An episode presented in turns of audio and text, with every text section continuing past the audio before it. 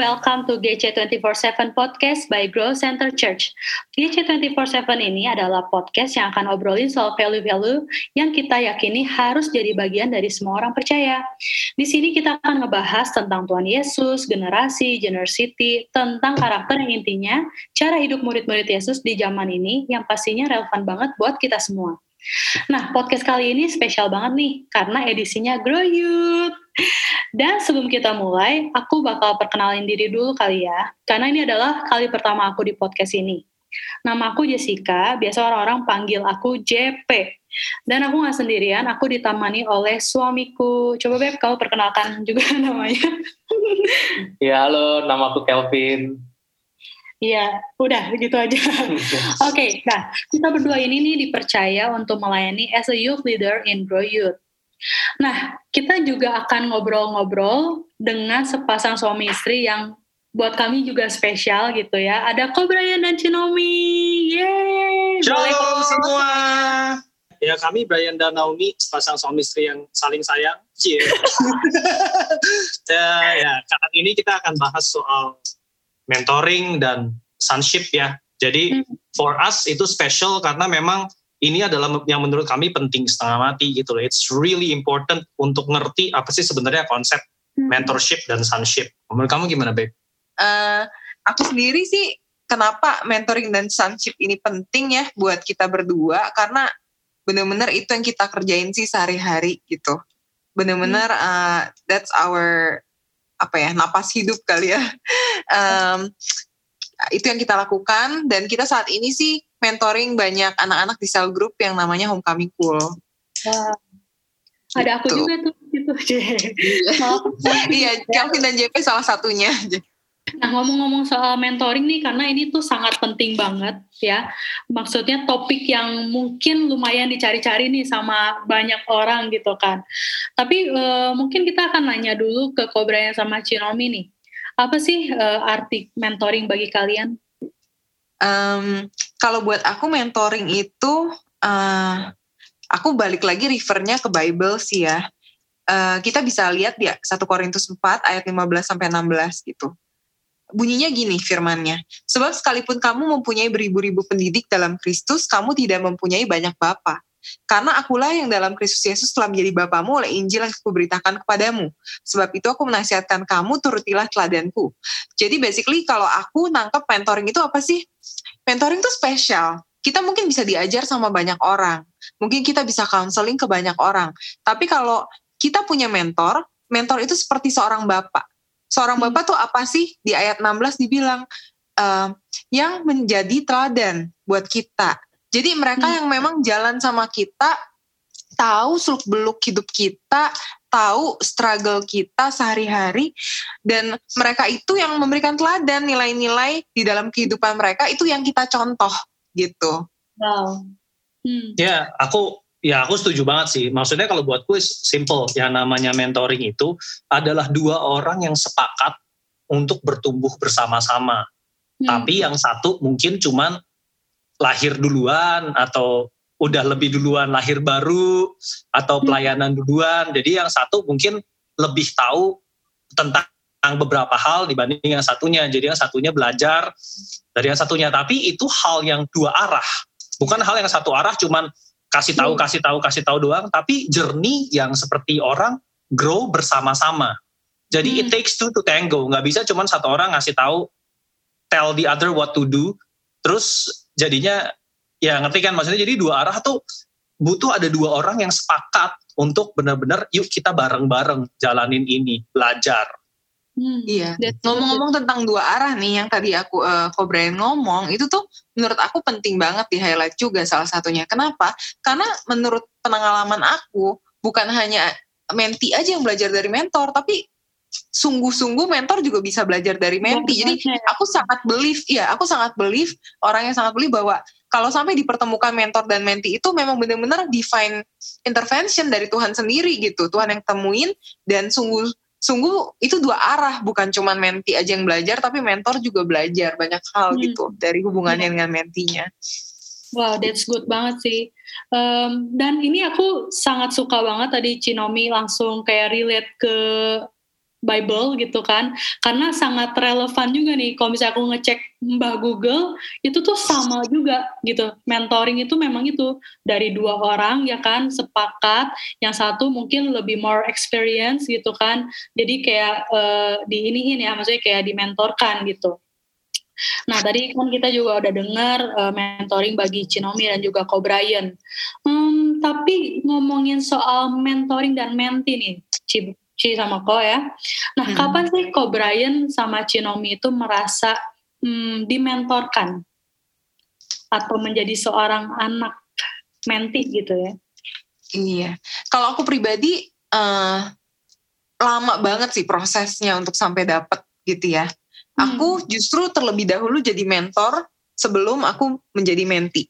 Justru jadi, uh, jadi aku percaya ada orang-orang tertentu yang memang uh, itu juga ada ceritanya nanti mungkin kita kalau ada waktu kita cerita gitu maksudnya benar-benar Tuhan sendiri yang minta gitu aku untuk hmm. jadi mentor dan uh, ada orang-orang tertentu yang mungkin ya itu benar-benar dimentorin langsung sama Tuhan istilahnya karena belum hmm. ketemu-ketemu tapi pada akhirnya aku tuh nemuin mentor mentoring tuh ya yang paling deket itu adalah waktu aku di Vancouver dengan gembala hmm. aku sih jadi kita sering banget kayak ketemuan uh, live updates gitu. Cerita-cerita uh, dengan pasangan suami istri gembalanya itu gitu. Hmm. dan kayak apa yang kita struggle of course kita kasih tahu semua dan minta didoakan gitu. Itu hmm. sih.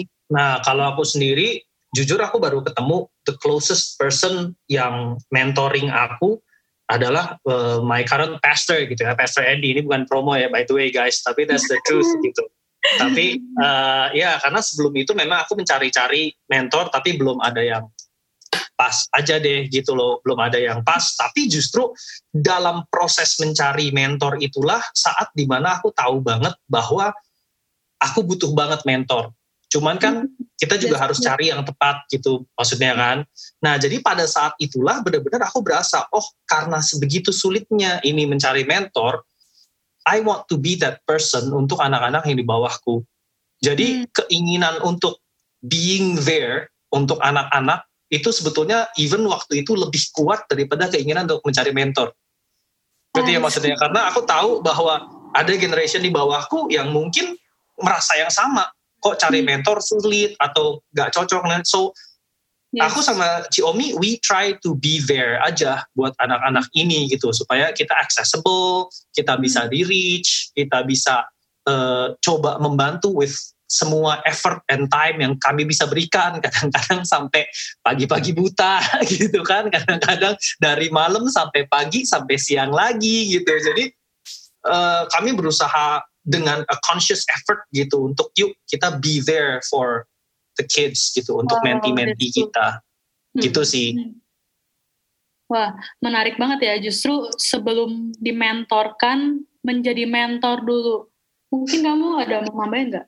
Iya kalau aku lumayan mirip dengan Ko Brian sih. Uh, sebenarnya kita berdua kan dulu dari dulu tuh mencari mentor kan. Hmm. dari awal kita di gereja kita dengar tentang mentor mentor dan kita harus Siapa dimentorkan. sih, gitu kan? Nah dulu kan memang kata mentor itu kayak kayaknya penting banget gitu untuk untuk kita dapetin tapi kan saat itu kita belum punya gambaran yang tepat ya. tentang mentor itu tuh seperti apa sih Betul. dan kita jadi mentor tuh seperti apa sih nah sama waktu Brian bilang uh, dia merasa ingin meme, uh, bukan merasa sih kayak seperti ada dorongan untuk mementorkan anak-anak di bawahnya karena tahu rasanya nggak dimentorin kayak apa gitu hmm. kan. Nah itu juga yang sebenarnya aku alamin sih. Hmm. Mungkin kamu juga alamin gitu ya. Jadi selama melayani memang aku pribadi sih mencari mentor. Nah hmm. dulu tuh cari mentornya kalau pekerjaan kayaknya cocoknya ke dia nih hmm. gitu. Nah kalau pelayanan kayaknya ke dia nih. Iya betul. Kalau relationship ke sini. Relationship kayaknya ke sini nih. Dulu tuh konsepnya mikir kayak gitu gitu yeah. loh. Oh, yang penting kita bisa cerita, kita bisa tanya, kita dapat jawaban, itu mentoring hmm. dan kita udah dimentorkan. Hmm. Tapi ternyata nggak kayak gitu gitu loh. Yeah. Iya. Uh, sampai akhirnya ya akhirnya kita ketemu O'Brien dan Cinomi kan setelah yeah. setelah beberapa tahun kita mencari mentor dan coba tanya segala macam barulah kita mengerti artinya mentoring itu seperti hmm. apa. Hmm. Nah, buat Kobrayan sama Cinomi gitu kan, mungkin uh, ceritain dong. Tadi kan uh, Kelvin juga udah sempat cerita soal masalah oh konsep mentor keuangan ke sini, mentor relationship ke sini. Nah, menurut Kobrayan sama Cinomi bagaimana tentang pendapat uh, tentang itu gitu? Tentang yang mentornya tuh kayak ke sini ke A ke B gitu. Menurut Kobrayan sama oh. Cinomi gimana? Oke, okay, jujur itu yang kami lakukan waktu belum ketemu mentor. Iya, hmm. karena nggak ada, ya mau nggak mau lah ya. Uh, apa comot sana comot sini gitu kan. Ya, Tapi ya, kenapa sih penting banget mentor ini? Kenapa sih penting untuk cerita ke satu pintu? Karena um, aku pribadi merasakan gini, ketika kita cerita sama satu orang atau ki waktu kita aku ngelayanin deh ya, ada satu anak cerita ke aku semuanya gitu kan, segala sesuatunya. Itu tuh bener-bener jadi bisa dipulihkan di setiap area of their life gitu. Karena memang jujur ketika kita uh, comot sana dan comot sini ada satu yang dibuka dan satu yang ditutup gitu kan sementara kalau mentoring itu harus terbuka dalam semua semua hal gitu loh kayak semuanya hmm. diceritain fungsinya apa fungsinya adalah supaya pulih di semua area gitu loh supaya hmm. Sungguh-sungguh mentor tuh tahu gitu loh kelebihan kita apa kelemahan kita apa kita tak mungkin jatuhnya di bagian mana pun seorang mentor mestinya tahu gitu loh. Hmm. Dan dari situ kita belajar banyak. Kita pun menjadi punya hidup yang berubah gitu loh. Hmm. Kayak gitu sih. Gimana kalau menurut kamu, Ay?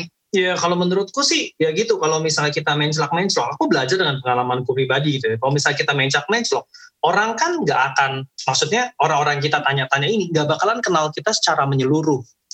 Jadi analogiku adalah kalau misalnya kayak ada orang buta ngeliat gajah gitu loh begitu dipegang, nih gajah kayak apa sih bentuknya? Ada orang yang bilang, oh bentuknya panjang, uh, segede tangan gitu kan. Oh karena dia pegangnya belalainya gitu loh. Dan dia taunya kayak belalai aja.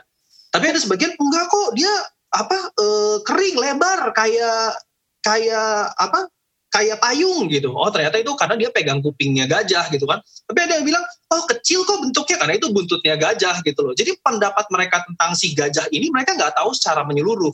Hmm. Nah itulah pentingnya men dalam mentorship kita tahu orangnya luar dalam supaya apa? Jadi misalnya mereka nanya tentang bisnis, mereka nanya tentang bisnis bukan cuma tentang bisnis konteks doang, tapi kita tahu oh sifat anak ini, ini seperti ini. Hmm. Misalnya dia kita ngomong dia mau jualan sesuatu tapi membutuhkan trade yang jago jualan, tapi kita tahu nih anak pemalu. Jadi hmm. bukan cuma membahas tentang bisnisnya doang, tapi tentang oh si anak ini kita kenal secara menyeluruh sama dengan relationshipnya dia sama dengan masalah pelayanannya dia sama dengan masalah dia dengan keluarga kalau kita tahu menyeluruh kita akan tahu apa yang tepat buat anak ini kalau hmm. kita cuma tahu case by case cuma masalahnya doang di luar konteks dari mengenal anak itunya kita kan bisa cuman kasih tahu yang general doang Hmm. Tapi biasanya sesuatu yang general tuh nggak bisa menyelesaikan masalah. Kita bisa menyelesaikan masalah apabila kita bisa runut sebetulnya what's the core problem, what's the core issue. Dan itu oh. sangat penting kalau kita tahu orang yang kita ngomong ini seperti apa luar dalam. That's why hmm. dalam mentoring itu penting banget untuk punya keterbukaan. Hmm. Gitu. Supaya kita bisa ngomongnya tuh bener gitu loh. Coba kalian deh, kalau kalian nanya isu tapi ditutupin, nggak mau kasih tahu ininya, nggak mau kasih tahu itunya, how are you gonna find a solution gitu kan? Tapi kalau bisa kita terbuka, baru kita bisa oh masalahnya mereka di situ, baru hmm. kita bisa bener-bener uh, sesuai targetnya gitu loh. Yes, yes. That's why menurutku mencelak-mencelok itu tidak salah, tidak salah, hmm. tapi mungkin kurang tepat sasaran. Aku ngerti juga bahwa mungkin mentor yang kita punya itu tidak sempurna, jadi mungkin untuk hal-hal tertentu mereka kurang menguasai. Tapi itulah yang aku bilang, mentorship itu kesepakatan dua orang untuk belajar bersama. Makanya ada sisi dari mentornya juga yang untuk, oh, untuk dia bisa membantu mentinya, dia akan lakukan extra mile. Dia mungkin akan belajar sesuatu hal yang dia nggak ngerti untuk bisa bantuin mentinya, untuk kepentingan mentinya. Cause that's what a good mentor would do. Wow, Dan aku yakin orang begitu udah ada kesepakatan sama mentinya untuk grow together, they would do that. Itu yang benar-benar aku percaya. Wow, wow, that's good banget sih. Di sini um, true banget ya. Maksudnya kalau untuk untuk seorang um, mentor dan menti, sebenarnya mereka tuh sama-sama belajar, sama-sama sepakat untuk ya mungkin growing together juga gitu ya. Kalau sama Ci. Dan um, Ya, kalau dari aku mungkin bisa nambahin dari sisi orang yang dimentorkan kali ya, yang akhirnya merasa dimentorkan gitu. Uh, hmm. Memang benar sih kalau kita nggak nggak bisa dua arah atau bilangnya kita nggak bisa terbuka sepenuhnya dengan mentor kita, itu rasanya tuh kayak cerita sepotong-sepotong dan akhirnya nggak akan kelihatan the the whole picture-nya gitu loh. Yes. Jadi solusi yang dikasih pun kadang tuh nggak tepat.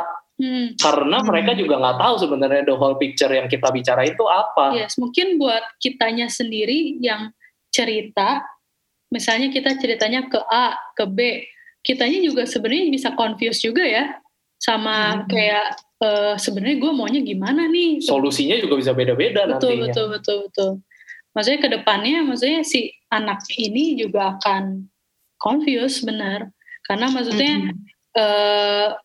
nggak mm -hmm. uh, tahu yang apa ya nggak tahu yang whole picture yang kamu tadi bilang iya mm -hmm. jadi emang itu harus dua arah dan ngomongin mentor dan menti ya nggak bisa ke banyak orang sih memang harus full fokus ke orang yang kita percaya itu gitu. Hmm, hmm. Tapi buat Kobrian sama Cinomi nih, ada gak sih kayak um, tips atau how to cari mentor yang baik tuh gimana?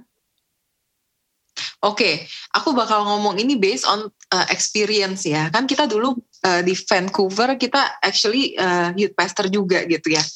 Aku tuh suka perhatiin gini. Kita sebagai youth pastor kan pasti anaknya banyak gitu kan.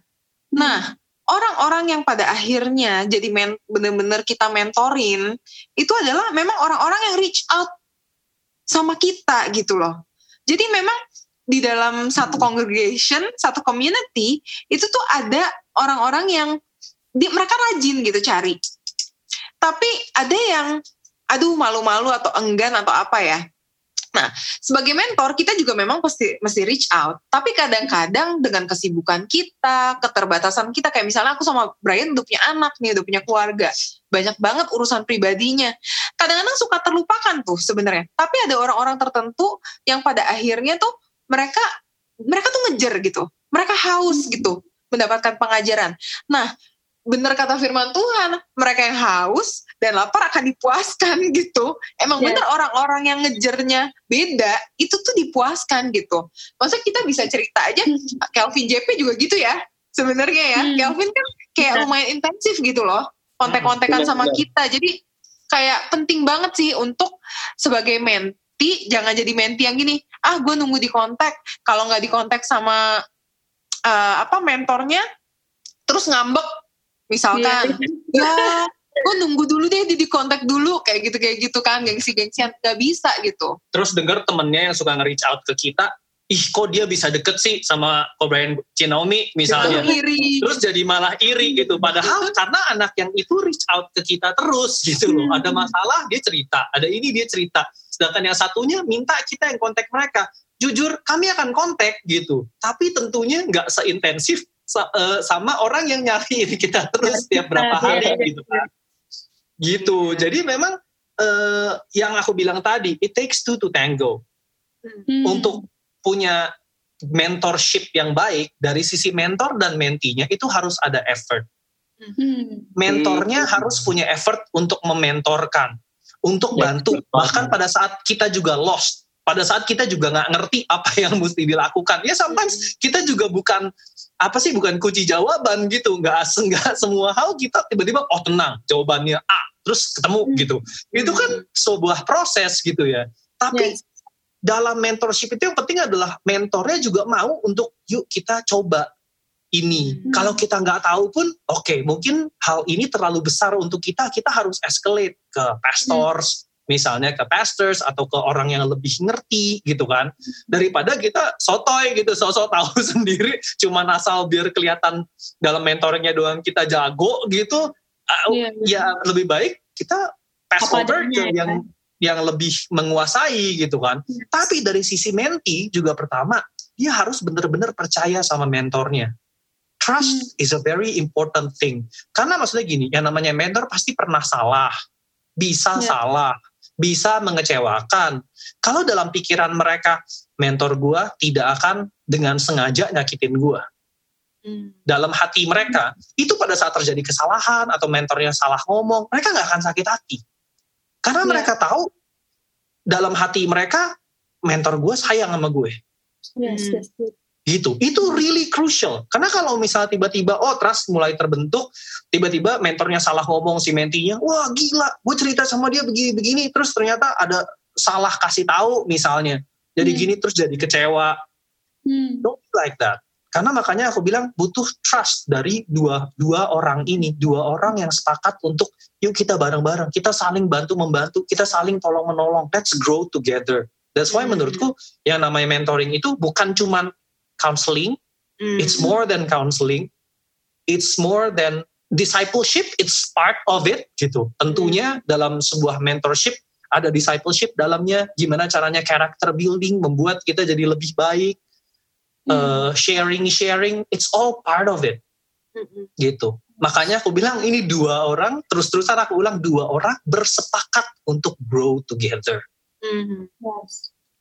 Yes, yes, that's true. itu benar banget sih. Dulu kita juga sistemnya kita sempat reach out some people sih untuk minta dimentorkan. Sebenarnya bukan langsung minta dimentorkan tapi lebih kayak Coba ngobrol. ngobrol gitu nanya input nanya masukan segala macam cuma kalau dipikir-pikir benar juga ya kalau kalau aja kita dulu stop cari mungkin kita nggak akan dapat sekarang gitu kan. Karena dulu maunya tuh dari atas dong yang turun reach out ke Hmm. kita kan konsepnya dulu masih kayak gitu tuh ini kok dari atas nggak ada sih yang Betul. mentoring kita Kita ada di posisi kayak pengennya di reach out. Kita juga Iya. ngalamin kok yang kayak gitu. ada posisi waktu itu kayak aduh udah pusing terus kita harus reach out cari mentor sendiri itu kan kayak makin nambah beban, Beban. tapi ternyata ya memang harus effort dari kedua belah pihak kalau enggak memang nggak akan ketemu gitu kan Hmm, Betul. wah ini good banget sih good point banget ya. good point banget Hmm, dan dari eh, kita sebagai yang kayaknya mungkin butuh mentor,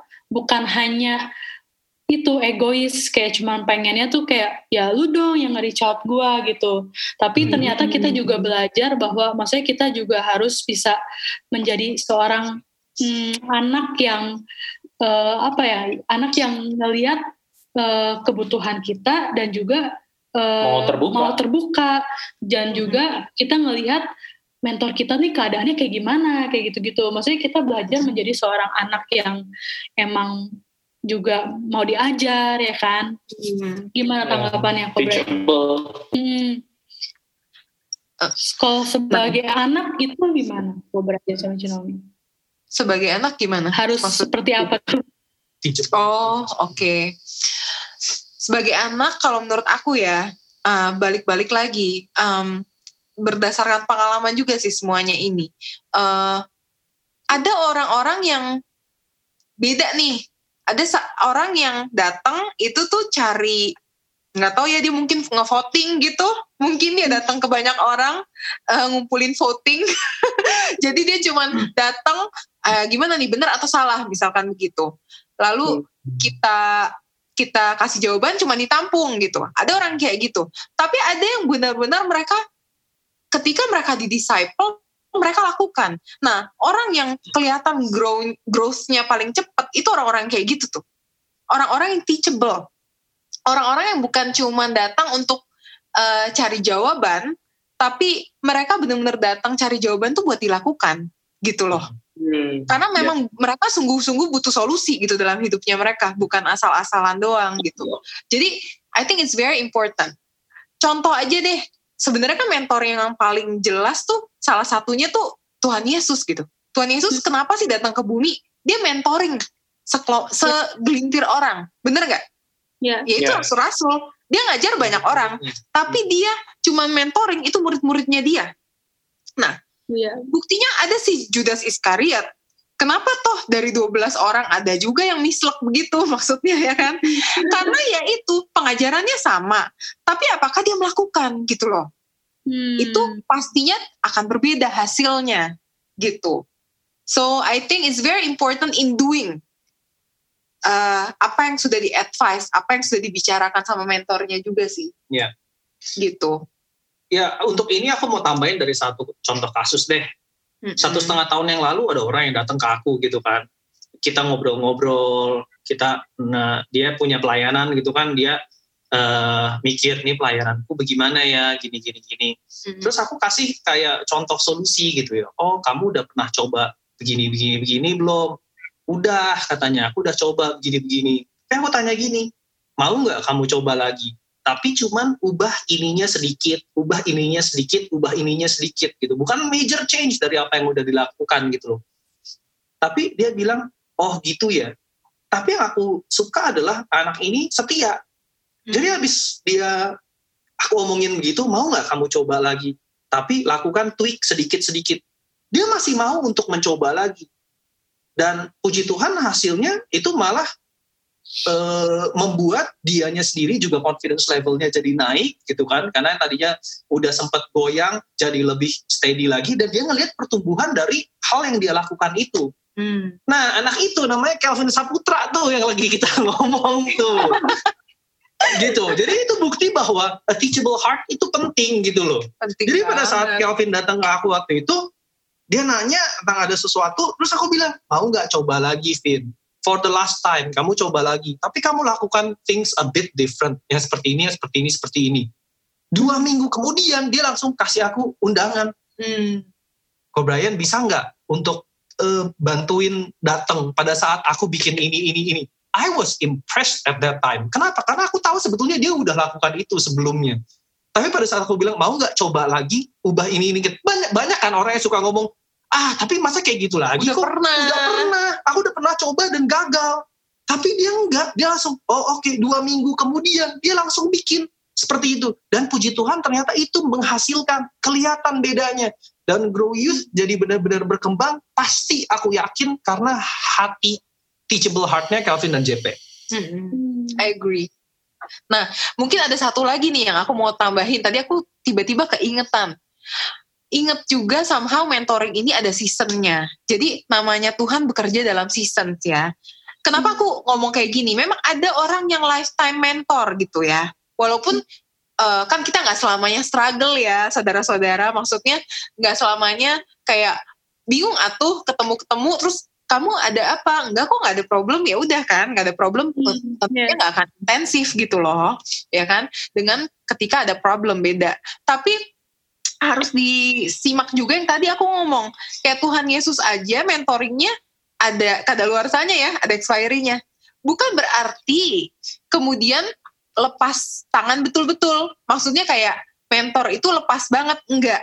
Dalam hmm. setiap season hidupnya kadang-kadang adalah update kayak aku dengan beberapa orang tuh bisa tuh dia update kayak setengah tahun sekali atau gimana. Tapi nggak begitu intensif lagi. Kenapa? Hmm. karena ketika kita sudah di mentoring kita sudah di disciple sudah di equip kita harus siap untuk descend itu penting. Ini sesuatu yang aku mau highlight juga.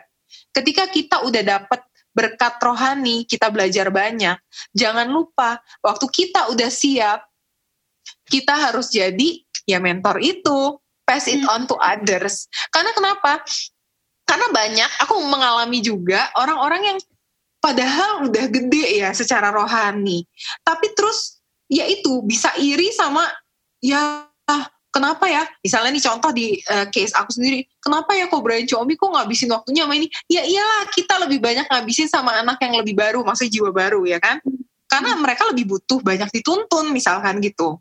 Kalau kita hmm. udah sepertinya siap dan kuat jangan juga mau di di apa ya di Ditutup street terus. iya di treat ya. kayak baby lagi gitu hmm. jangan ya. gitu jadi otomatis akhirnya kita tetap nggak kita update iya kita tetap update tapi update-nya tuh nggak seperti yang waktu itu ada masalah misalkan gitu lagi dalam problem dalam season yang uh, nggak baik gitu itu beda jadi uh, itu sih yang Aku mau Ya highlight. justru menurutku untuk mentorship ya dalam mentorship kalau kita terus nyuapin itu mentorship yang salah. bukan, iya bukan. Mentorship akan ngajarin mentinya untuk kalau misalnya ke bahasa bahasa biasanya tuh akan ngasih kail bukan ngasih ikan terus gitu. Hmm. Mentor akan ngajarin mentinya untuk bisa mancing ikan sendiri. Yang akhirnya dia akan bisa ambil keputusan sendiri. Misalnya tadinya dia datang ke mentornya untuk cari jawaban, untuk cari jalan keluar.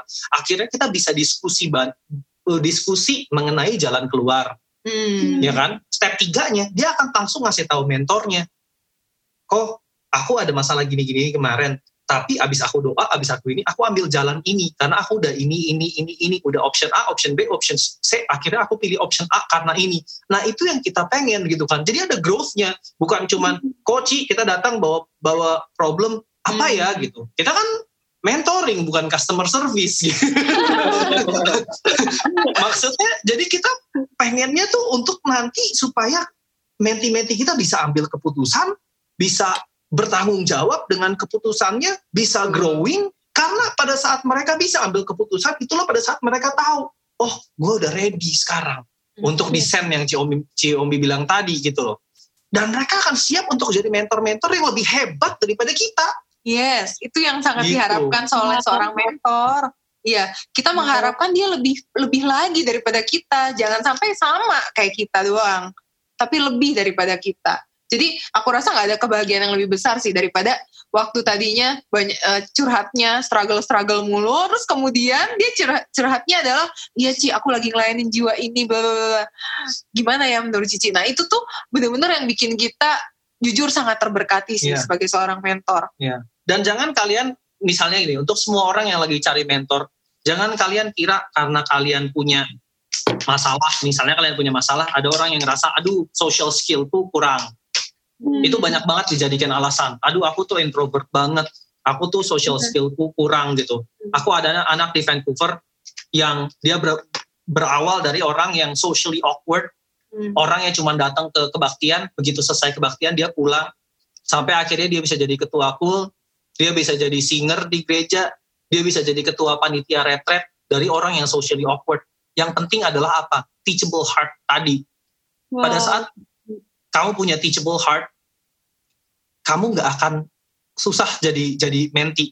Dan tahu nggak kalau misalnya kita tanya sama anak itu, waktu itu kita pernah tanya sama anak itu gitu, kenapa sih kamu kamu berasa nggak sih sekarang kamu beda banget? Iya, koci. Kenapa? Kalau menurut kamu kenapa? Iya, karena waktu aku mulai pelayanan, waktu aku mulai di mentoring sama kalian, aku punya eh, apa slogan, bukan slogan, aku punya Hebat banget. pegangan. Dia bilang, kalau misalnya Tuhan yang mau, I will never say no. Wow, Hmm. that's good banget. Jadi pada Nah, saat oh. kita pada saat kita pilih, kita doa kamu yang jadi ketua panitia retret. Itu kalau di Vancouver itu very big untuk jadi ketua panitia retret karena banyak banget yang diuruskan mulai dari fundraising kita fundraising sendiri untuk dapetin uh, biaya retretnya sampai transportasi sampai akomodasi sampai makanan sampai games sampai pembicara sampai tiket pembicara ya tiket pembicara dari Indonesia hotelnya pembicara yang hosting siapa itu semua banyak banget. Jadi untuk seorang yang berawal dari seorang yang socially awkward itu harusnya akan sangat sulit. Tapi kalau karena dia punya teachable heart itu luar biasa banget hasilnya. Dan aku yakin Tuhan bekerja. Itu yang aku bilang Tuhan turut bekerja dalam segala hal. Kalau kita punya teachable heart wisdom itu akan datang dari Tuhan. Jawaban itu akan datang dari Tuhan. Capability itu akan datang dari Tuhan jadi Ya. jangan kalian takut jangan kalian ragu cuman karena kalian introvert atau kalian ngerasa kalian belum punya capability jangan kayak Musa gitu kan. Tuhan kenapa nggak pakai si Harun aja? Aku gagap. Tapi Tuhan bilang karena aku udah pilih kamu.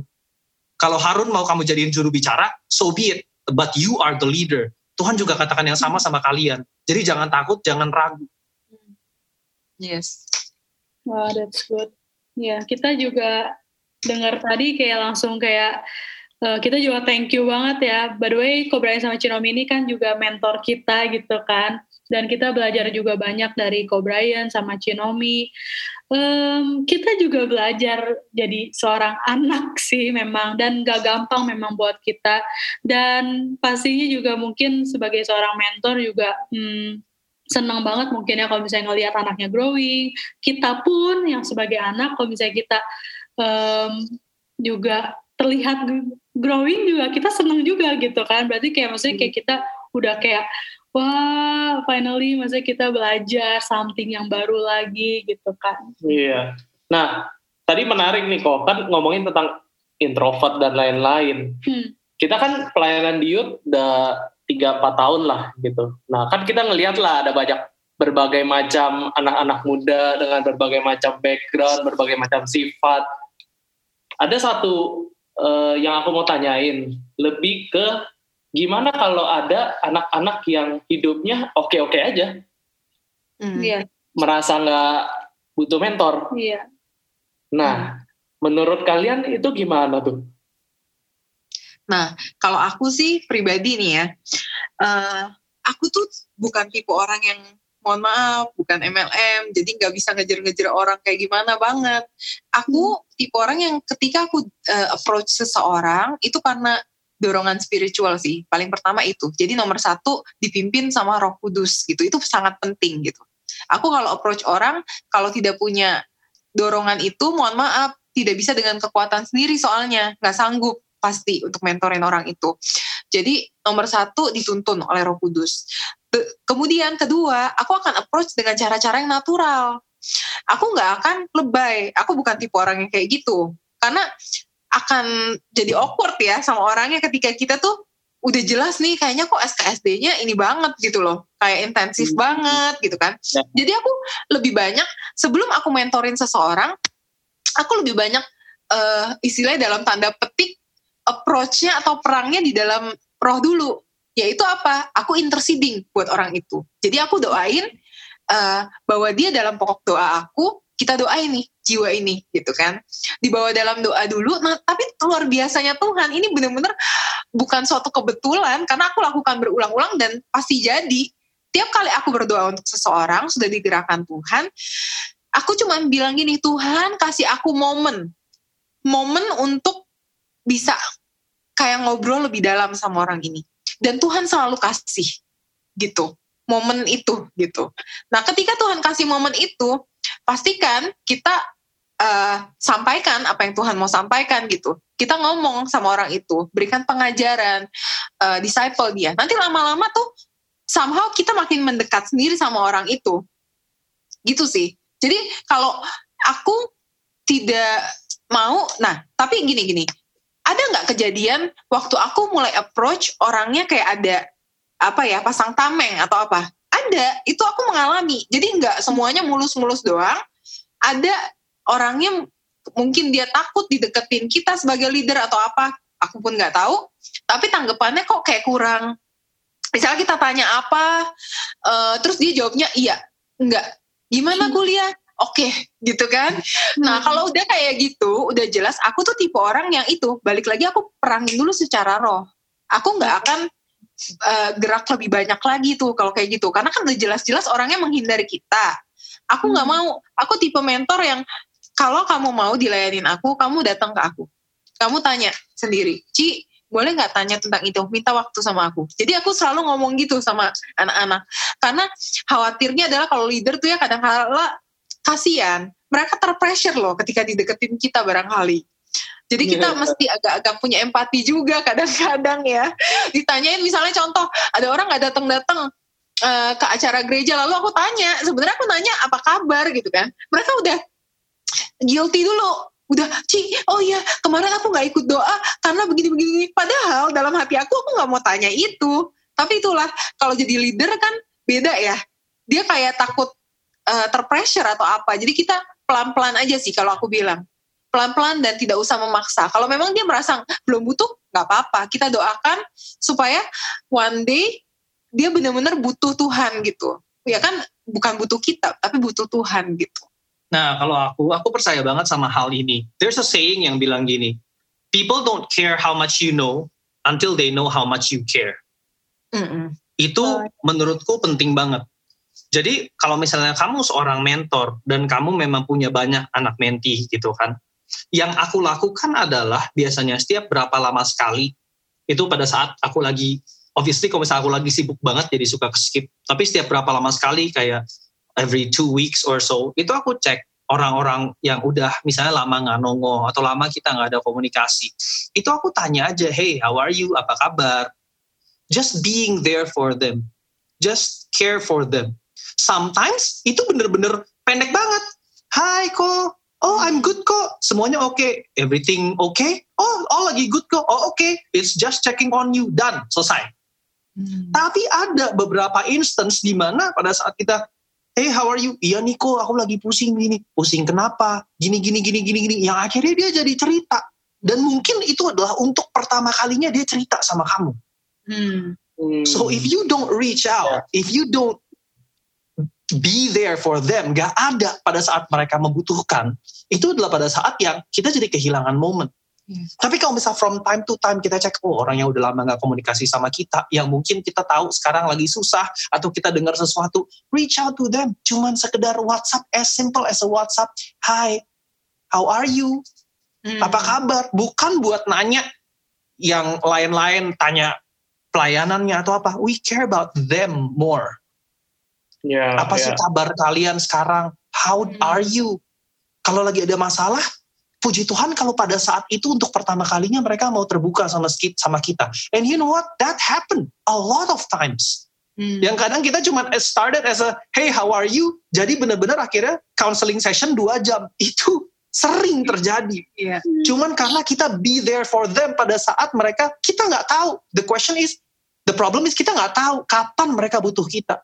Jadi from time to time pada saat kita tahu mereka butuh kita, sometimes ada ya kadang-kadang kita dengar dari luar, tapi kadang-kadang juga kita udah lama nggak kontak mereka, kita kontak mereka aja. Maybe that's aja. the time when God want you to contact them. Mm-hmm. Jadi as a mentor, kita nggak bisa pilih anak buah kita seperti apa, anak menti kita seperti apa. Tapi yang kita bisa tahu adalah being there for them will work. Yeah. Karena semua orang suka kalau di care dan semua orang manusia itu makhluk sosial. Itu pelajaran IPS kan? Manusia itu makhluk sosial. We need each other. Hmm. tidak ada orang yang tidak butuh orang lain. Jadi pada saat mereka lagi butuh orang lain kita yang ada buat mereka. Kita yang lagi nanya hey how are you? Mereka terbuka sama kita. If trust itu sudah terbentuk. Iya. Yeah. mungkin aku bisa nambahin nih karena nyambung sama yang Ko Brian tadi ngomongnya aku ada satu kesaksian sih dan ini luar biasa banget uh, jadi aku pernah karena kan aku dulu youth leader balik lagi ada anak datang tuh cuma sekali gitu loh ke gereja satu kali dua kali lah ya abis itu dia ngilang udah nggak pernah datang lagi. Of course kita sebagai youth leader kan kita mulai tanya-tanya lah apa kabar gitu. Hmm. Tau gak sih Vin, tadi sama seperti yang tadi kamu kasih contoh gitu. Uh, ini anak kayak nggak butuh. Ke, aku nanya begitu, kamu apa kabar? Dibalesnya bisa dua hari, bisa tiga hari. Wow luar biasa banget gitu kan. Aku tuh kayak waktu awal-awal masih dua jam gitu kan. Eh kita kan cari topik ya ceritanya. Nanya ya. lagi wih makin lama dua hari gitu kan. Nah kalau udah kayak gitu kita udah mesti ngerti sendiri ya bener nggak? Berarti kan dia uh, oh nggak mau nih nggak mau dicari nih uh, terganggu atau dan lain sebagainya. Ya udah aku berhentiin tapi seperti yang Ko Brian tadi bilang, once in a while ketika aku inget anak ini aku kontak. Kenapa aku kontak? Aku cuma pengen tahu bahwa karena aku tuh dapet lah secara spiritual itu yang aku kayak somehow ini orang tuh sebenarnya butuh gitu loh, butuh banget gitu. Yeah. Uh, seseorang role model dalam hidupnya gitu karena dia nggak punya itu yang aku dapet gitu kan terus uh, ya udah jadi aku kontakin dia once in a while walaupun dibalesnya kayak tadi dua hari gitu kan tapi aku lakukan itu one day kamu tau gak sih? Dan aku tetap doain dia one day tiba-tiba dia kontak aku. Wah nggak pernah kan? Wow hmm, luar iya. biasa sekali saudara-saudara perasaan aku pada saat itu. Uh, kok dia kontak aku dulu aku kaget. Lalu aku dia kontak aku uh, aku angkat wah ternyata dia lagi dalam big trouble. Di situ aku langsung datang aku langsung ayo kita doain apa segala macam dia counseling dan sebagainya dan luar biasanya ya, aku ngejar dia berarti kayak setahun lebih loh saudara-saudara. Dan wow. akhirnya dia balik lagi ke gereja. Dia balik lagi ke gereja. Wow. Karena waktu aku waktu dia butuh dan kebetulan puji Tuhan aku ada saat itu nemenin dia melalui masa-masa tersulitnya dia. Dia akhirnya percaya lagi gitu sama sama community, dia percaya lagi sama Tuhan gitu. Jadi uh, I truly believe that apa yang keluar dari hati itu tuh orang lain tuh pasti rasain. Kalau kita genuinely care about someone, mau dia sekeras apa pun kayak batu, dia suatu hari akan sadar, ini orang benar-benar care about me gitu loh. Hmm. Suatu hari akan luluh juga gitu. Yeah, so, ya yeah. jangan pernah menyerah buat setiap uh, leader-leader yang suka reach out sama anak-anaknya dan dicuekin. Itu biasanya pengalaman ketua youth lah ya. iya. Atau aku leader. Aku leader juga mestinya melakukan hal-hal oh, iya, itu. Kalau belum melakukan berarti uh, deh, kita masih kurang. Tapi kalau dari dari tadi pembicaraannya aku Brian dan Cinomi, aku bisa lihat mentoring itu harus natural ya hmm, nggak bisa yang dipaksain nggak bisa yang yang sengaja dibuat-buat tapi emang ada chemistry-nya dan itu akan natural terjadi gitu ya betul betul, betul. tapi itu juga dibilang natural it needs effort bukan hmm. berarti natural oh ya yeah, just let it flow nggak bisa juga it needs effort ya yeah. untuk hmm. untuk berada pada saat dibutuhin itu nggak gampang loh Mm-hmm. Kalau misalnya tiba-tiba kita ditelepon jam satu pagi, pada saat apa kita harus jalan ke rumah mereka di luar PSBB tentunya ya. Tiba-tiba pas ada sesuatu kita harus datengin mereka, we have to go. It takes effort. Kita bisa pilih yeah. untuk ya besok aja lah. Tapi kalau kita tahu sepenting itu, sekrusial itu, go. Yeah. Gitu. Yeah. Ada satu satu hal lagi nih yang aku tadi baru keingetan. Mentoring itu bukan cuma masalah rohani kalau menurut aku. Kita hmm. harus invest time sama anak-anak itu bukan cuma untuk discipleship, ngomongin firman, enggak. Jadi kalau kita justru malah ketika anak-anak itu baik-baik aja, we spend time bener-bener for fellowship aja. Hmm. Jadi enggak aku gitu ya kayak, aduh gimana kamu ministrinya atau gimana hmm. kamu bukan begitu gitu. Ya, Just spend time kayak ngopi, you know. Yeah.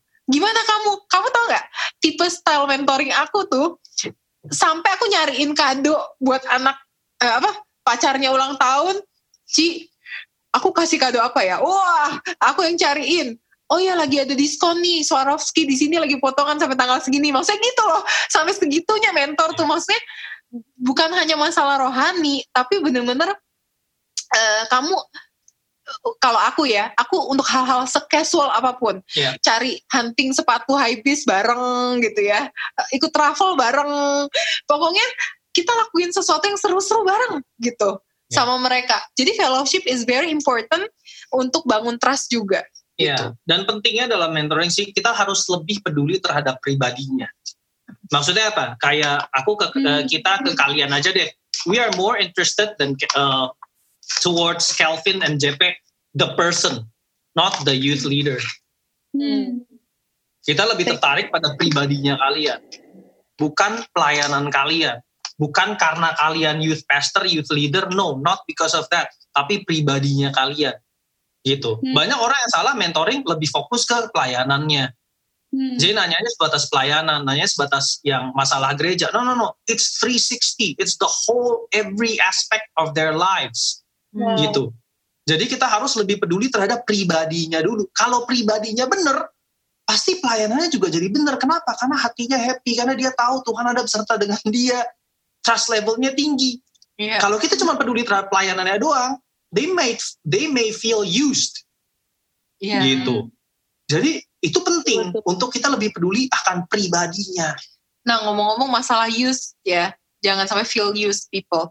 Um, sangat penting juga kalau aku ya mentoring aku dan Ko Brian kita tuh nggak membedakan orang di luar gereja pun di luar sel group kita pun kita mentorin sama ceritanya kayak Kelvin JP dulu belum bukan bukan full member kita bukan hmm. terus uh, banyak juga kita mentoring uh, orang-orang yang di luar gereja kita jadi kebetulan mereka adalah youth leader youth leader dari berbagai gereja ya gitu hmm. kita mentoring juga jadi kita lebih peduli sama uh, the kingdom purpose gitu loh, the kingdom cause daripada church cause. Itu paling penting sih menurut aku. Jangan sampai kita oh, melayani orang because of our ministry gitu doang. Jangan. jangan karena kita satu gereja doang enggak. You Oh, never know. Banyak banyak yang tadi aku cerita. Ada orang yang nggak datang datang ke gereja udah lama banget ya. Cuma satu dua kali dia datang. Aku karena aku reach out terus sama dia dia balik kok. Ya. dan aku nggak pernah ngajak-ngajakin dia. Eh, aku tuh menghindari pertanyaan yang eh ngajak-ngajak gitu loh. Eh hari minggu datang ya gitu. Aku nggak pernah kayak gitu. Aku benar-benar mentorin dia khusus mentorin dia suatu hari dia datang sendiri loh tanpa aku ajak.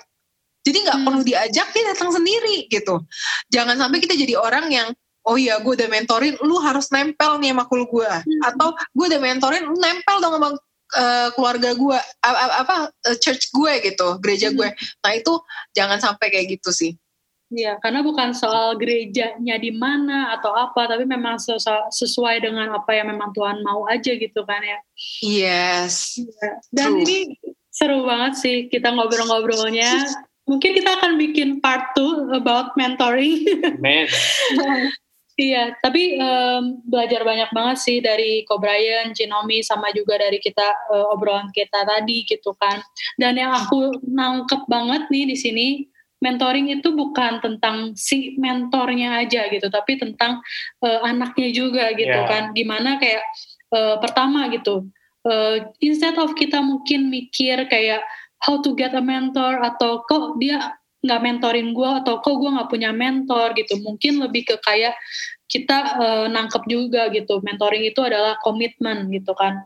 Komitmen between eh, dua orang gitu kan. Is a learning process juga between eh, two person gitu kan.